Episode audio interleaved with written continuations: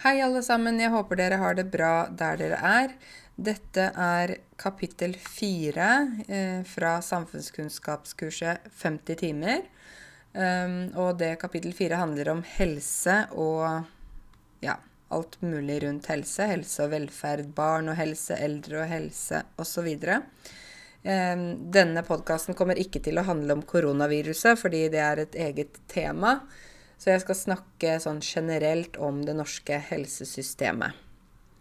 Hvis vi først begynner å tenke på hvem som har ansvar for helsa vår, så er det jo sånn at um, før så tenkte man at nei, det er helsesystemet som skal ta ansvar for uh, helsa til folket. Men etter hvert så har vi sett på at uh, det er faktisk et veldig stort ansvar vi har selv i forhold til å ta vare på helsa. Vi har ansvar for å være i god form, altså bevege oss, trene, holde kroppen i aktivitet. Vi er ansvarlig for det vi putter inn i munnen vår. Så hvis vi velger å spise hamburger og pizza hele tiden, så må vi faktisk selv eh, ta konsekvensene av det. Det er ikke Norge som har ansvar for hva eh, vi putter inn i munnen vår, det er oss selv. men det er noen som kan si at nei, det er helsesystemet har ansvar og sånn, men vi har ansvar for mye selv. Det samme gjelder drikking, røyking, ikke sant. Vi må ta ansvar for å ha en god helse. Samtidig så er det jo veldig viktig at staten informerer oss om forskjellige ting rundt helse. Det er viktig at barna lærer om sunn mat, at de lærer om fysisk aktivitet, eh, at vi lærer litt om sykdommer og smitte og sånne ting. Så det er noe som staten kan gjøre ved å utdanne oss, ved å informere oss, um, ha en del av um, systemet vårt som må handle om helse. Og det jo da, går jo da på utdanning. Samtidig så kan det jo være noe bra i TV og radio, eller at uh, staten sender ut forskjellige type sånne skriv. Vi kaller det for et skriv. Det er egentlig et papir med informasjon. Um, det som uh, staten er ansvarlig for, er jo å ta vare på oss f.eks. når vi blir syke. Uh, og også dette med uh, når noen blir gravid. Så syns jeg at vi har et veldig bra system her i Norge. fordi fra den dagen man er gravid, så blir man fulgt opp, og gratis. man blir fulgt opp på en gratis ja, måte. Man må ikke betale, man må ikke liksom ha forsikring og slik at det kommer an på om du er rik eller fattig. Alle skal få lik hjelp. Det syns jeg er veldig bra. Uh, og um, staten har jo også ansvar for uh, f.eks. å gi oss nødvendig hjelp hvis vi er syke. Uh, at vi skal få operasjoner. Uh, konsultasjoner, alle mulige sånne ting som har å gjøre med behandling, det er det staten som har ansvar for.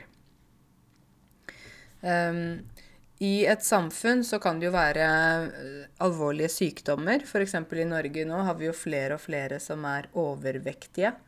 Det er jo også en slags sykdom, men det er en, det vi kaller for en livsstilssykdom.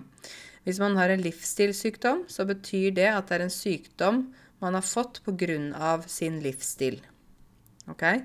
Så hvis man er veldig overvektig, veldig stor, da er det noe man har gjort selv som gjør at man har blitt stor. Ikke sant?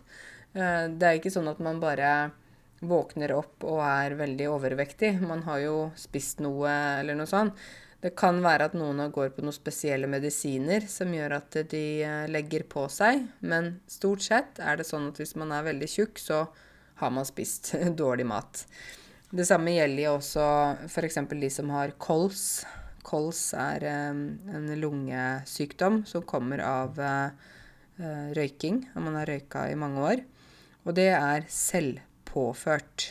At noe er selvpåført, betyr at det har du gitt deg selv fordi du har røyka. Så noen sykdommer kan vi eh, noe for, altså det er min skyld. Andre sykdommer er kanskje ikke vår skyld. Altså, man får ting selv om man har holdt seg frisk og spist sunt og sånne ting. Eh, levestandarden i Norge er høy i dag, og det betyr at vi har eh, egentlig veldig eh, Ja, vi har, eh, har, det godt her. Vi bor i et trygt land. Vi får medisiner, vi får medisinsk hjelp, vi får utdannelse og, og sånne ting. Vi får medisiner hvis vi har alvorlige sykdommer. Vi får behandling. Og alt dette her er det sånn at velferdsstaten hjelper til med. Det skal jeg komme tilbake til i kapittel syv. Um, vi får jo vaksiner da når vi er barn, og det er um, også for å styrke kroppen vår, slik at vi kan stå imot sykdommer som kommer. Å stå imot betyr at man da klarer Altså man ikke får, får det, ikke sant? Eksempel da uh, Ja, det kan være Vi har jo hatt uh, vaksine mot tuberkulose, for eksempel. Eh, BCG, den husker jeg selv at jeg tok, og den var ganske vond å ta. Og så fikk man et merke på armen etterpå. For før så var det sånn at folk ikke ble så veldig gamle i Norge. Um, I 1950, hvis det, man ble født i 1950, så kunne man som eh, kvinne forvente å leve ca. 73 år, mens en mann kom til å leve ca. 70 år. I dag eh, så er det opp mot eh, det er vel nesten 85 år for kvinner og rundt 82 år for menn. Så vi har en veldig høy levealder i Norge, sånn i gjennomsnitt. Det betyr ikke at alle blir over 80 år, men vi har veldig mange som blir over 80 år. Og det handler jo om eh, at vi eh, er vaksinerte. At vi eh, nordmenn er ganske sunne, egentlig. Stort sett. Vi har mye aktivitet, vi beveger oss. Vi har et helsesystem som passer på oss. Eh, det er ikke sånn som det er i USA f.eks., der man må ha privat helseforsikring, eller man må ha helseforsikring gjennom jobben. Det har vi ikke her. Vi er sikret av eh, staten fordi vi betaler skatt. Så det er jo godt å, å vite. Jeg husker jo da jeg flyttet til Canada rett etter videregående, så fikk jeg bare beskjed om at jeg må skaffe meg helseforsikring. Og så sa jeg men jeg trenger ikke det, jeg har jo sikkerhet fra Norge. De sier at jeg er, uh, jeg er dekt med mange millioner kroner hvis jeg blir syk. Og da sa de i Canada nei, det hjelper ikke, du må ha canadisk helseforsikring. Så da måtte jeg, huske jeg måtte betale kanskje 50 dollar per måned. Og det synes jeg selv var helt unødvendig. Alle vi som bor i Norge, vi har en fastlege. Det er en allmennlege. Eh, allmenn betyr liksom det, det, vanlige, akkurat som jeg er allmennlærer. Så er det en allmennlege, det er ikke en spesialist. Eh, hvis du blir syk, så skal du bestille time hos din allmennlege. Du skal ikke gå til legevakta eh, eller noe sånt, men du skal henvende deg, altså kontakte din allmennlege, din fastlege. Før så var det ikke sånn at man hadde fastlege, men det, det kom for en del år siden. Jeg har en fastlege som jeg ikke besøker så veldig ofte. Jeg var jo syk her i fjor høst, og da gikk jeg til fastlegen. Jeg hadde ikke vært der på seks år. Det var litt for lenge, kanskje. Så øh, man bør jo gå til fastlegen når man er syk, men man trenger jo Man må kanskje vurdere litt også. Uh, om man skal heller vente og se, eller om man skal gå til legen. Hvis man er veldig syk og trenger å se lege samme dagen, så kan man ringe og be om en hastetime eller en akuttime. Fordi legene skal alltid ha noen eh, ledige tidspunkter hver dag der de kan ha elever. Eh, nei, unnskyld. Elever. Jeg er lærer, jeg. Jeg tenker bare på skole. Der de kan ha pasienter. Ja. Eh, ikke elever. Pasienter heter det. Så eh, da skal de ha noe ledig tid, sånn at eh, hvis f.eks. jeg ringer og er veldig syk, så kan jeg komme inn. Da har jeg ikke en avtale fra før, men jeg kan komme inn på denne hastetimen, da. Um, det er jo sånn at eh, hvis jeg går til legen og jeg trenger egentlig en spesialist, f.eks. Um, hvis jeg har problemer med ørene, så må jeg da gå til en ørelege. Da kan ikke min vanlige lege hjelpe meg, jeg må gå til en spesialist. Da får man en henvisning, det betyr at man får et papir der man blir henvist til en spesialist. Men øh, det kan ta veldig lang tid å få time. Man kan øh, bytte fastlege to ganger i året. Og da kan man gå inn på helsenorge.no og sjekke hvilke fastleger som har ledig plass. Eh, jeg må si at eh, dette med fastleger, der tror jeg både jeg og mange av dere er enige, at det, er, det tar for lang tid før man får time. Så sant man ikke er veldig, veldig, veldig syk. Man må vente lenge. Um, og når du først kommer dit, så kan det godt være at de bare sier nei, du må ta det med ro, du må ta Paracet, du må slappe av. Det tror jeg er grunnen til at mange innvandrere blir veldig frustrerte over uh, legene i Norge, fordi de føler at de ikke får den hjelpen de trenger. Og så sier de ofte ja, men i hjemlandet mitt så sjekker de veldig nøye, og de hjelper meg veldig mye, og de um, tar mer blodprøver og sjekker og gir meg antibiotika og medisiner og fikser alt. Så er det blir litt sinte på systemet i Norge. Det kan jeg godt forstå, uh, at man kan bli sint på systemet i Norge. Men en ting som eh, jeg ikke liker med andre land, det er det at de veldig lett gir medisiner. Det er liksom man lar ikke kroppen få jobbe selv. Du skal bare få medisiner inn i kroppen med en gang du er litt syk, så er det rett på antibiotika eller andre medisiner. Dessuten så kan du kjøpe en del legemidler. Legemidler betyr medisiner. Du kan kjøpe en del legemidler uten resept og bare begynne å behandle deg selv. Det synes jeg er en veldig dårlig idé, fordi kroppen vår har det som kalles for immunforsvar. Okay?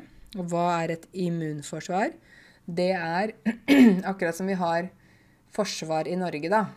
Militæret skal beskytte Norge. Så har vi et immunforsvar som skal da beskytte kroppen vår. Men dette immunforsvaret bruker litt lengre tid på å gjøre oss friske enn kanskje medisinene gjør. Og da er det en del som blir utålmodige og irriterte og vil veldig gjerne ha medisiner med en gang. Jeg tenker at vi må la kroppen få lov til å bruke tid til å gjøre oss friske.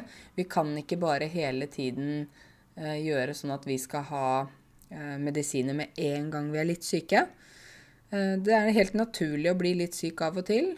Jeg vet at det er ubehagelig. Man føler seg sliten, trøtt og sånne ting. Men det betyr ikke at eh, det er noe krise for det. Det er bare ubehagelig. Og av og til så må vi bare la kroppen vår faktisk få gå igjennom det den skal gå igjennom. Når det er sagt, så forstår jeg godt at mange av dere blir frustrerte når dere ikke får uh, medisiner av legen og sånne ting. Uh, og dere kan bli sinte fordi dere får bare beskjed om å slappe av og drikke vann. det er jo ikke noe god medisin i seg selv. Men jeg tror en medisin er også å, å, la kroppen få lov til å jobbe. Hvis ikke kroppen klarer det fortsatt, da må du kanskje ha medisiner. Men jeg syns ikke det er riktig å løpe til legen med en gang for å få medisiner med en gang hvis man er f.eks. litt forkjøla eller har feber. Ok? Det er min mening, da. Da er kanskje dere uenige med meg. Men noen sier ja, nei, det er veldig dårlig i Norge, og legen tar meg ikke seriøst, og i mitt hjemland så er det mye mer system og sånne ting. Og da pleier jeg å spørre OK, kan du fortelle meg hva som er forventet levealder i ditt hjemland? Ok? Levealder er den, den alderen som er vanlig å bli. Hvor gamle blir folk i ditt land? I Norge, som jeg sa, så er forventet levealder mellom fra 85, 84-85 til kvinner til 82-81 på menn. Eh, hvordan er det i ditt hjemland? Hvor gamle blir folk? Fordi dette her med at man, eh, man, eh, blir gammel, har også å gjøre med at man også kanskje lar kroppen av og til få gjøre jobben sin, og ikke dytter inn masse medisiner med en gang man kjenner noe. For da, da har ikke kroppen mulighet til å bekjempe sykdommen selv. Å bekjempe betyr at man stopper det, fikser det selv, ikke sant? Så ja. Men eh, det er jo også sånn at eh, vi nordmenn vokser opp med kanskje en litt annen mentalitet enn mange folk i mange land. Vi vokser opp med den mentaliteten at eh, kan vi gå ut av senga, kan vi gå på beina, da skal vi gå på jobb og gå på skole. Det er ikke noe kjære mor. Vi kaller det for kjære mor. Kjære mor betyr sånn Å, vær så snill. 'Hjelp meg!' Nei, det er ikke sånn. Da jeg var barn, så fikk jeg bare beskjed om at 'Nei, du kan gå på beina dine, Karense. Da går du på skolen. Ikke snakk mer om det.' Så det var jo litt veldig strengt også, på en måte. Så jeg tenker at en balanse er bra, da. Vi trenger jo ikke være sånn at vi ikke klarer noe, men vi kan jo også prøve å liksom eh, ja, la, la kroppen gjøre jobben sin. En ting som er veldig viktig med alle som jobber innenfor helsesystemet, det er det at de har taushetsplikt. Taushet betyr ikke snakke, ikke si noe, og plikt betyr må. Så leger, sykepleiere, fysioterapeuter, kiropraktorer, øh, kirurger Alle som jobber innenfor helse, de har taushetsplikt. Det betyr at de ikke får lov til å si navnet på en pasient, fortelle hvor en pasient bor og sånne ting, slik at man kan vite hvem den personen er. Det er ikke lov. Uh, og hvis man bryter taushetsplikten sin, da får man problemer. Fordi det er veldig, veldig viktig at man respekterer. Så hvis du sier noe til legen din som er liksom privat, så skal ikke din lege Skal ikke du tenke at 'å, da går sikkert legen min og snakker til alle andre'. Nei, det skal han ikke gjøre. Um, hvis selvfølgelig du forteller om noe som er La oss si du uh, du blir slått hjemme av mannen din eller av kona di, for den saks skyld. Jeg er litt hes i dag. Da uh, er det jo sånn at legen har jo plikt å melde fra hvis det er noe alvorlig, f.eks. som man må si fra til politiet eller noe sånt. Men hvis du forteller noe privat om din kropp, f.eks., så kan ikke legen gå rundt og fortelle andre om det. Og det er veldig viktig at legen overholder. Min bestefar var lege, øh, og så min pappa vokste opp med liksom at bestefar ja, var eh, legen i Åmot. Han var den eneste legen. Og på den tiden så reiste han rundt til familiene. Når eh, noen var syke, så hadde han med seg en sånn legeveske. En slags brun skinnveske. Og der hadde han alt utstyret oppi. Og pappaen min pleide ofte å bli med eh, legen eh, i bygda, og det var bestefar. så han ble med ham på tur, på oppdrag, var med i bilen og, og sånn. For før så hadde man liksom én lege i bygda. Så han het doktor Fosselien og var veldig kjent. Han var jo en flink lege. Um, min kusine er lege i dag, så vi har noen leger i familien. Vi har også en, eh, en som bor i USA, uh, som uh, er uh, patolog, eller egentlig patolog. altså Det betyr at han, man undersøker døde mennesker, hvorfor de dør og sånne ting. Han er professor, da. Så vi har noen leger i familien, og så er søsteren min er sykepleier. Jeg er ikke helsepersonell, så jeg er lærer, som dere vet. Men jeg tror veldig mange familier så er det en sykepleier eller en lege eller noe sånt. Um, og det er jo fint å kunne ha noen man kanskje kan spørre om råd eller eh, noe, hvis det er noe med helsa. Hvis du er syk og har fått uh, en resept, for da må du få resept på enkelte medisiner, f.eks. antibiotika. Antibiotika kan du ikke bare få over disk. Over disk betyr at man bare får det um, uten resept. Man må ha resept fra legen. Det betyr at en lege må først se på deg og sjekke deg før du kan få denne medisinen. Uh, og de som vil ha 'Jeg vil ha antibiotika i dag. Du må gi meg det.' Da kan det hende at legen sier nei. Legen er faktisk lov til å si nei hvis han mener at du ikke trenger den medisinen. Uh, når du henter uh, medisiner på resept, så nå er det jo mye sånn elektronisk resept. Jeg tror de fleste bruker det.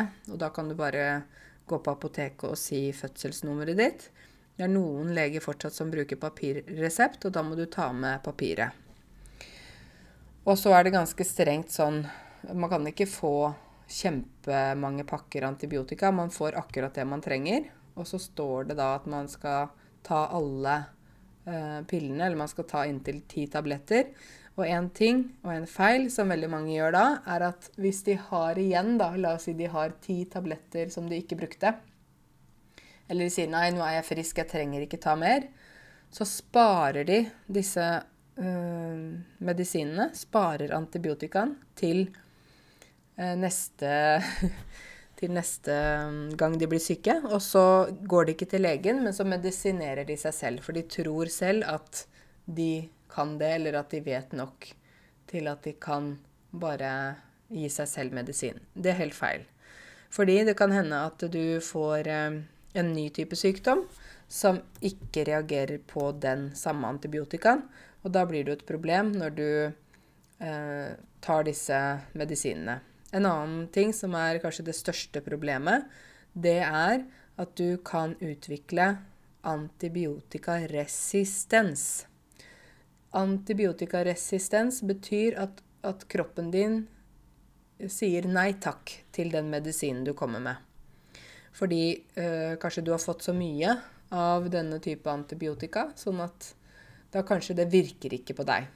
Og hvis, hvis, det er sånn at mange i verden får antibiotikaresistens, så betyr det faktisk um, at mange kommer til å dø fordi de ikke reagerer på antibiotika. Um, det er veldig alvorlig. Og det er også derfor norske leger er veldig strenge med å gi antibiotika. For de gir bare dette når de mener man virkelig trenger det. Uh, de pleier jo å ta en blodprøve, måle CRP, altså måle hvor mye sånn betennelsesverdi, infeksjonsverdi, man har i kroppen. Og hvis den er høy, da får man ofte antibiotika. Hvis CRP-nivået er lavt, da får man ikke antibiotika. Og det er da folk blir sinte og frustrerte. Men som jeg sier, det er verre at en hel verden har antibiotikaresistens enn at du må være litt lengre syk, faktisk. Jeg husker jeg, jeg korrigerte en masteroppgave en gang for en, eh, en, eh, dame fra Serbia. Hun var farmasøyt og hadde skrevet om I sin masteroppgave hadde hun skrevet om eh, hvordan folk i Serbia sparer på antibiotika og medisinerer seg selv. Altså akkurat dette her jeg snakket om. Og også hvordan de gjør dette i Norge. Selv om de bor i Norge, så fortsetter de med den derre spare på, på Eh, antibiotika. Og hun så at det var veldig mange serbere som gjorde dette, og at det er veldig dårlig at de gjør det. Og jeg tror mange andre fra andre land også gjør mye av dette, dessverre. Det er veldig, veldig dumt. Jeg må si det. Ja. Eh, når det gjelder prisene på medisin, så er det sånn at hvis vi har noe som heter blå resept Og blå resept er da at når du har en, en alvorlig sykdom, langvarig sykdom eller noe sånt, Eh, og du må ha medisiner hele tiden, så kan du da få eh, medisin på blå resept. Og det betyr at du ikke betaler prisen medisinen egentlig koster, du betaler bare lite grann. Og det er jo egentlig veldig fint, fordi ellers så blir det veldig dyrt.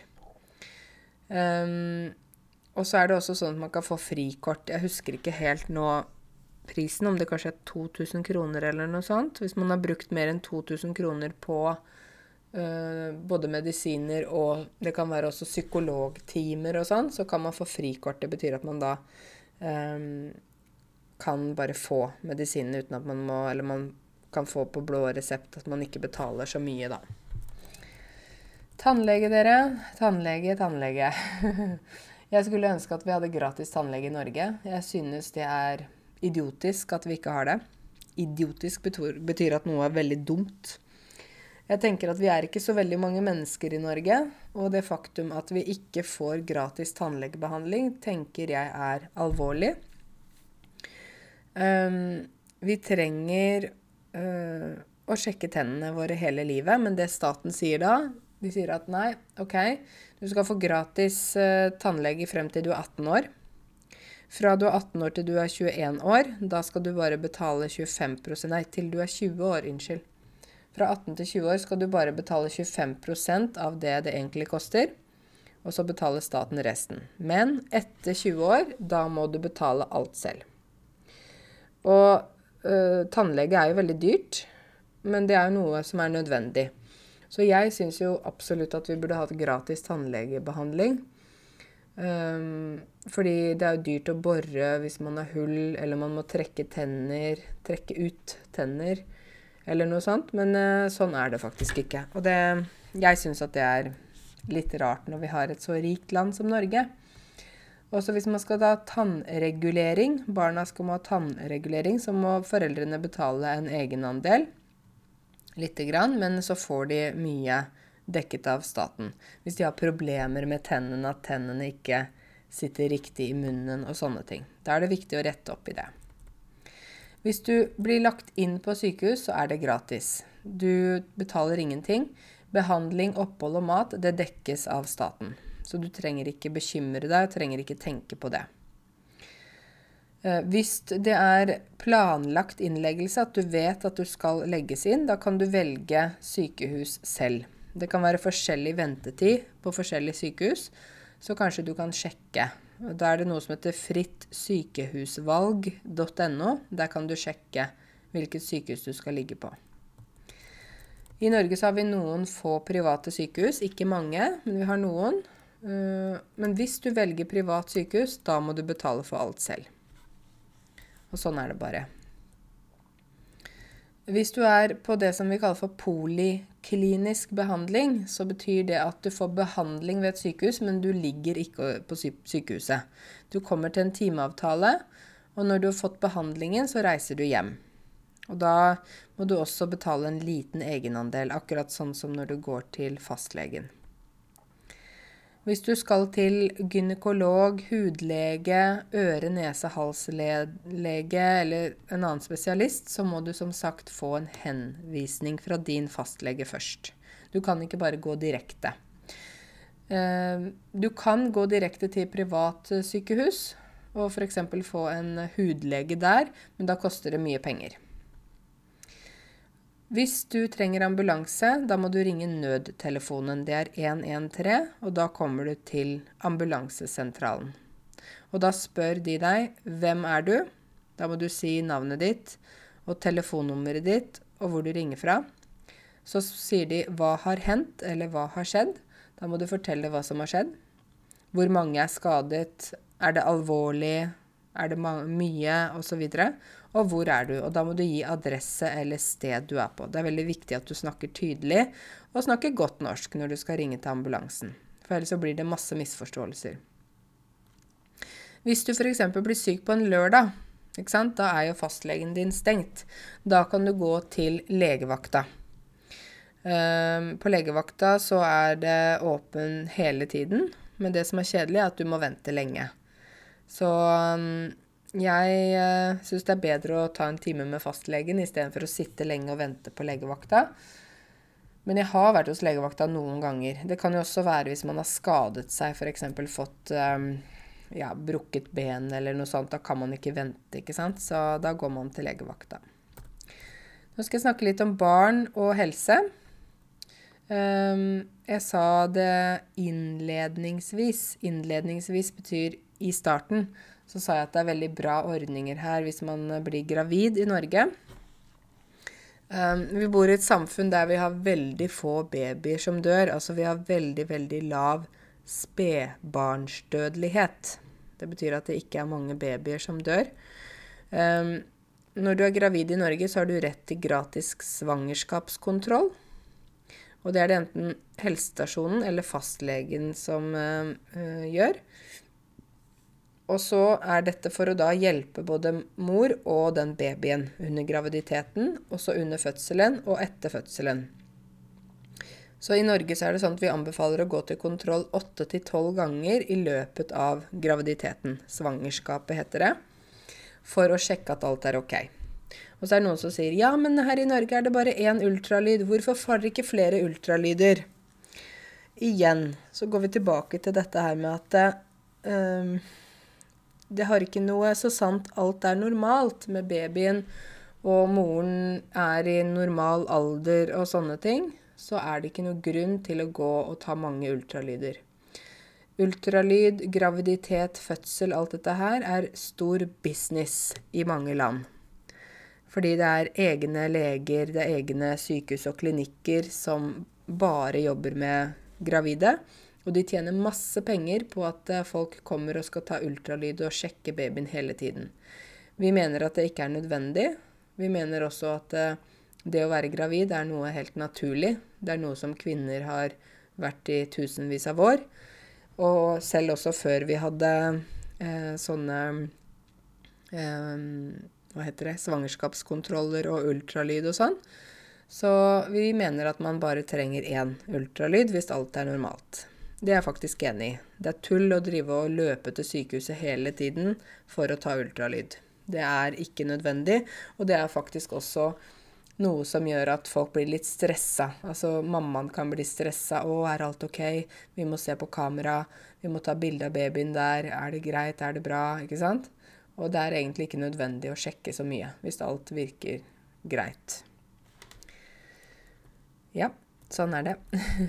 um, og så er det sånn at um, du, før du skal føde, så har du møte med jordmor. Og du er på sykehuset, du ser hvor ting er ser senga, eller du kan føde i basseng, i vann hvis du vil det. Og snakker med jordmor sånn at du blir trygg før du skal uh, føde. Og da vet du hvordan ting er før du faktisk kommer til sykehuset den dagen vannet går. Det heter at vannet går. Det betyr vet, når det kommer vann, da, du, da vet du at nå begynner fødselen. Og så er det av og til noen som da blir sendt hjem. De kommer til sykehuset, og så blir de sendt hjem. Og så sier sykehuset nei, ikke ennå, du må vente litt til. Det forstår jeg er veldig frustrerende, fordi man vil jo gjerne bare være på sykehus. Man har ikke lyst til å være hjemme, for man føler seg ikke trygg. Men det kan handle om kapasitet, at de ikke har plass til å ha alle der som er nettopp startet på fødselen. Men uh, jeg forstår det. Jeg, jeg, tror, jeg har ikke fått barn ennå, men jeg tror hvis jeg hadde fått en baby, så ville jeg blitt veldig stressa hvis de hadde sendt meg tilbake til huset mitt. da vil jeg liksom være sammen med leger og de som vet hva alt er. Uh, når man får barn, så er man på sykehuset én eller to dager, og så reiser man hjem, så man er ikke lenge på sykehuset. Eh, og da plutselig så begynner et nytt liv, og de som er foreldre for første gang, skal prøve å finne ut av hva skal de gjøre? Hvordan er det å ha en baby? Skifte bleier, eh, eh, amming Ja, alt, det er masse man skal finne ut av. Og her i Norge er det jo sånn at en del familier er litt sånn alene når de har barn. Fordi det er ikke så vanlig at naboer hjelper hverandre, at familien kommer og hjelper og Det er mer vanlig at man eh, ja, eh, klarer seg selv. Jeg tror også det er en av grunnene til at uh, folk ikke har så mange barn. Fordi hvis du har veldig mange barn, så er det veldig vanskelig fordi du må gjøre det selv. I mange land så er det sånn hvis man har mange barn, så får man lett hjelp fra naboer og venner, men her er det ikke sånn. Og da har man mye ansvar alene. Når man har en baby, så skal man gå til helsestasjonen for kontroll. Man kontrollerer vekt, man kontrollerer lengde, eh, om babyen er frisk, om alt er greit og sånne ting. Og så etter hvert så får barna vaksiner. Alt dette her er inne i et vaksinasjonsprogram som alle skal igjennom. Noen sier at nei, vi vil ikke gi barna våre vaksine. Eh, jeg mener jeg er uenig i det, fordi jeg tenker at eh, den vaksina beskytter mot sykdommer. Og det er gratis. Men noen sier at nei, vi vil ikke at barna skal få sånne ting inn i kroppen.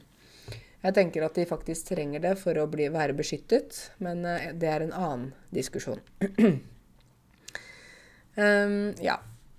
Så når det gjelder uh, helse og barn, så syns jeg at vi har et veldig godt system. Uh, vi har også et bra system i forhold til at foreldrene får foreldrepermisjon, ikke sant. Mammapermisjon og pappapermisjon og sånne ting. Så jeg syns at det er veldig bra. Får du barn i Norge, så ja, har du et veldig godt system rundt deg. Og du får både eh, penger før babyen er født, og du får Du kan få enten få eh, full lønn i ti måneder eller eh, 80% lønn i ett år. Og så er det sånn at eh, mamma har 15 uker, pappa har 15 uker, og så er det 15 uker som de fordeler seg imellom. Og nå må pappa ha disse 15 ukene, og det er det jo en del som protesterer mot, fordi de vil gjerne bestemme det selv, hvem som skal være hjemme med barna. Men staten har sagt at nei, pappa må også ha permisjon, for pappa må også være knyttet til barnet sitt og lære barnet å kjenne. Men dette her, når jeg sier dette her, så er vi 18. mars 2020. Så hvis du hører denne her i 2021, så kan det jo hende det er en annen regel. Dette forandrer seg fordi dette er politikk. Men det er i hvert fall sånn det er nå, at både mamma og pappa skal ha permisjon. Når vi eh, blir eldre Jeg sa nå at jeg syns det er et veldig bra system for barn og gravide. Men når vi blir eldre og vi blir pensjonerte Vi blir pensjonerte fra 67 år, eller tidligst 62 år. Så er det sånn at uh, de fleste eldre i Norge velger å bo i sitt eget hjem, og de bor alene. De bor ikke sammen med familien eller sine barn. Det er ikke vanlig her. Noen få familier har bestemor eller bestefar som bor hjemme hos seg, men det er ikke vanlig. Og det handler jo om igjen det som jeg snakket om før, at vi er liker å være selvstendige, klare oss selv osv. Etter hvert som de gamle blir eldre, så er det vanlig at de får litt hjelp fra kommunen. Kommer noen fra hjemmetjenesten, hjemmehjelp, som vasker, lager mat, gir medisiner eller sånne ting. Og etter hvert, hvis man blir veldig syk og ikke klarer å bo i huset sitt, så er det vanlig at de gamle da kommer på gamlehjem eller eldrehjem eller sykehjem. Eh, da må man eh, eh, Ja, da er det sånn at man får et rom og en seng og sånne ting. Men jeg personlig syns ikke det er så veldig bra. Fordi jeg syns at det er en del gamle som får bare et lite rom, og så er det ikke nok sykepleiere til å hjelpe dem, til å ta seg av dem. Min søster er sykepleier og har jobbet mye på sykehjem, og hun sier at det er så vanskelig fordi jeg vil gjerne sette meg ned med dem, snakke med dem, ta meg av dem og, og høre på dem og sånn, men jeg har ikke tid. Jeg må løpe fra pasient til pasient, og jeg har ikke mulighet til å uh, ta god tid.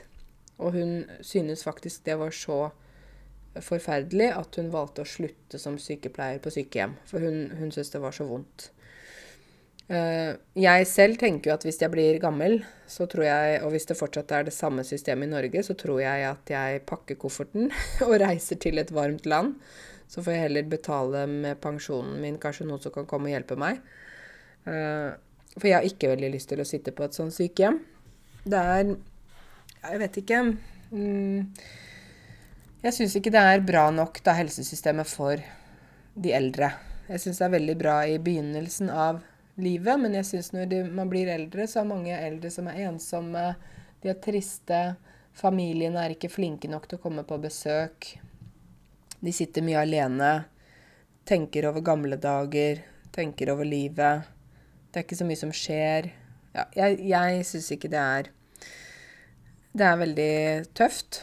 Og så blir man institusjonalisert. Altså man, man, sitter på en institusjon, man er på et sykehjem, man er ikke i huset sitt med familien sin. Fordi alle er veldig eh, opptatt med egne liv. Og sånn er det i Norge. Og det, det, det, går jo utover de gamle, ikke sant. At de har ikke så mye tid til dem. Men hvis du hadde sagt da til en bestemor Ja, bestemor, kom bare og bo med oss. Du kan bo med oss. Så er det 95% av de bestemødrene som hadde sagt nei takk. Jeg klarer meg selv. Jeg trenger ikke hjelp. Jeg skal ikke være noe belastning for dere. Jeg skal ikke bo hjemme hos dere. Mens i andre land så tar man bestemor og bestefar inn i huset med en gang. Man bor i storfamilie, da. Sånn er det ikke i Norge. Jeg skal snakke litt nå om psykisk helse også. Eh, fordi vi har fysisk helse, altså kroppen vår, men vi har også psykisk helse, altså mental helse. Og det handler også om å ha det bra, ikke sant? Fordi noen er, har psykisk sykdom. Altså de er fysisk friske, med kroppen er ok, men er, uh, de er psykisk syke. Og så er det Det kan være familieproblemer som oppstår. Det kan være noe problematisk uh, på jobb som gjør at de kanskje får noe depresjon eller noe sånt. Noen uh, får en psykisk lidelse. Lidelse betyr noe som er veldig vondt. Det kan være etter dødsfall, ulykke, uh, opplevelser i krigssituasjon, ikke sant. At man kan bli deprimert eller et eller annet. Og noen kan uh, være det vi kaller for arvelig disponert for å utvikle psykisk lidelse. Det betyr kanskje at uh, f.eks. Uh, bestemor uh, var schizofren, og da kan f.eks. da hennes sønn også bli schizofren, fordi det er arvelig, da. Eh, når man flytter til et nytt land, så er det noe som man kaller for en psykisk migrasjonsprosess. Det har alle dere som har flytta til Norge, dere har opplevd det. Det er sånn at i den første perioden, når du først kommer til Norge, så er det 'Å, Norge, så spennende! Å, nytt land, nytt språk, ny mat. Klima, natur, ny, nytt sted, nytt hus. Kjempebra. Og så etter hvert så er det vanlig at mange føler seg deprimerte, har negative tanker om det nye landet, tenker veldig mye på hjemlandet, snakker mye om hjemlandet og sånne ting. Uh, og så til slutt så er det vanlig at livet stabiliserer seg, at man heller får en mer balanse mellom Norge og hjemlandet og sånne ting. Så hvis du har opplevd det, så er det helt vanlig. Det har jeg også opplevd når jeg har bodd i andre land. Uh, og det er litt sånn man kjenner kanskje ikke alltid igjen seg selv. Da blir det litt sånn Oi, er jeg sånn?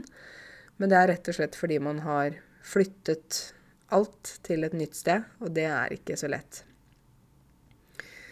Hvordan skal vi forebygge helseproblemer, da? Hvordan skal vi sørge for at vi ikke blir så lett syke? Det er jo det som jeg har sagt, at vi må spise sunt, være fysisk aktive. Ikke røyke, ikke drikke. Gjerne le godt, sove godt være sosial eh, og sånne ting. Det er noe som kan bidra til at man holder seg lengre frisk. Um, jeg har jo snakket mye nå om helsesystemet i Norge. Um, men det jeg vil si, og som jeg vil være helt ærlig med dere om, det er jo det at jeg, jeg mener at um, det norske helsesystemet absolutt kunne vært bedre. Jeg synes at vi burde hatt flere sykehus. Vi burde ikke hatt folk som ventet i kø på operasjon. Vi burde hatt mer kapasitet når det gjelder fastleger. Man burde ikke ringe til legen, og så får man time om eh, to uker, ikke sant? Um, vi burde ja, kanskje ha gratis tannlege. Ikke kanskje, vi burde ha gratis tannlege. Jeg tenker at det har vært veldig fint hvis medisiner også var gratis. Um, ja, og at man fikk raskt hjelp, da. For jeg synes det er for dårlig sånn som det er i dag. Så synes jeg at uh, man, det at man må vente på hjelp når man bare er 5,3 millioner i dette landet, og vi er et av verdens rikeste land, så syns jeg det er veldig rart. Så jeg mener at vi kunne hatt et mye bedre helsesystem hvis vi hadde brukt mer penger på helsesystemet. På å bygge sykehus, ansette doktorer, ha flere sykepleiere osv. Til dere som jobber i helsevesenet, så vil jeg jo si at jeg syns det er ø, veldig bra at vi får folk fra forskjellige land til å komme her. Vi er ikke nok helsepersonell selv. Vi trenger folk fra andre land. Og um, det som jeg syns også er veldig viktig når man jobber i helsesystemet, er at man lærer seg godt norsk. Fordi uh, hvis man misforstår, så kan det ha ikke bare at det er dumt å misforstå, men det kan ha fatale konsekvenser. Fatale konsekvenser betyr at i verste fall så kan noen dø. Fordi man har gitt feil medisin, ikke forstått beskjeder, gjort feil instrukser og sånne ting. Så jeg mener at skal man jobbe med helse, så bør man være på minimum B1-nivå, men jeg synes egentlig at man bør opp på B2. Men kanskje ikke B2 som B2 på norskprøven, men B2 i helsenorsk. Altså at man bør lære seg vokabulær og dette her som har å gjøre med helse, da.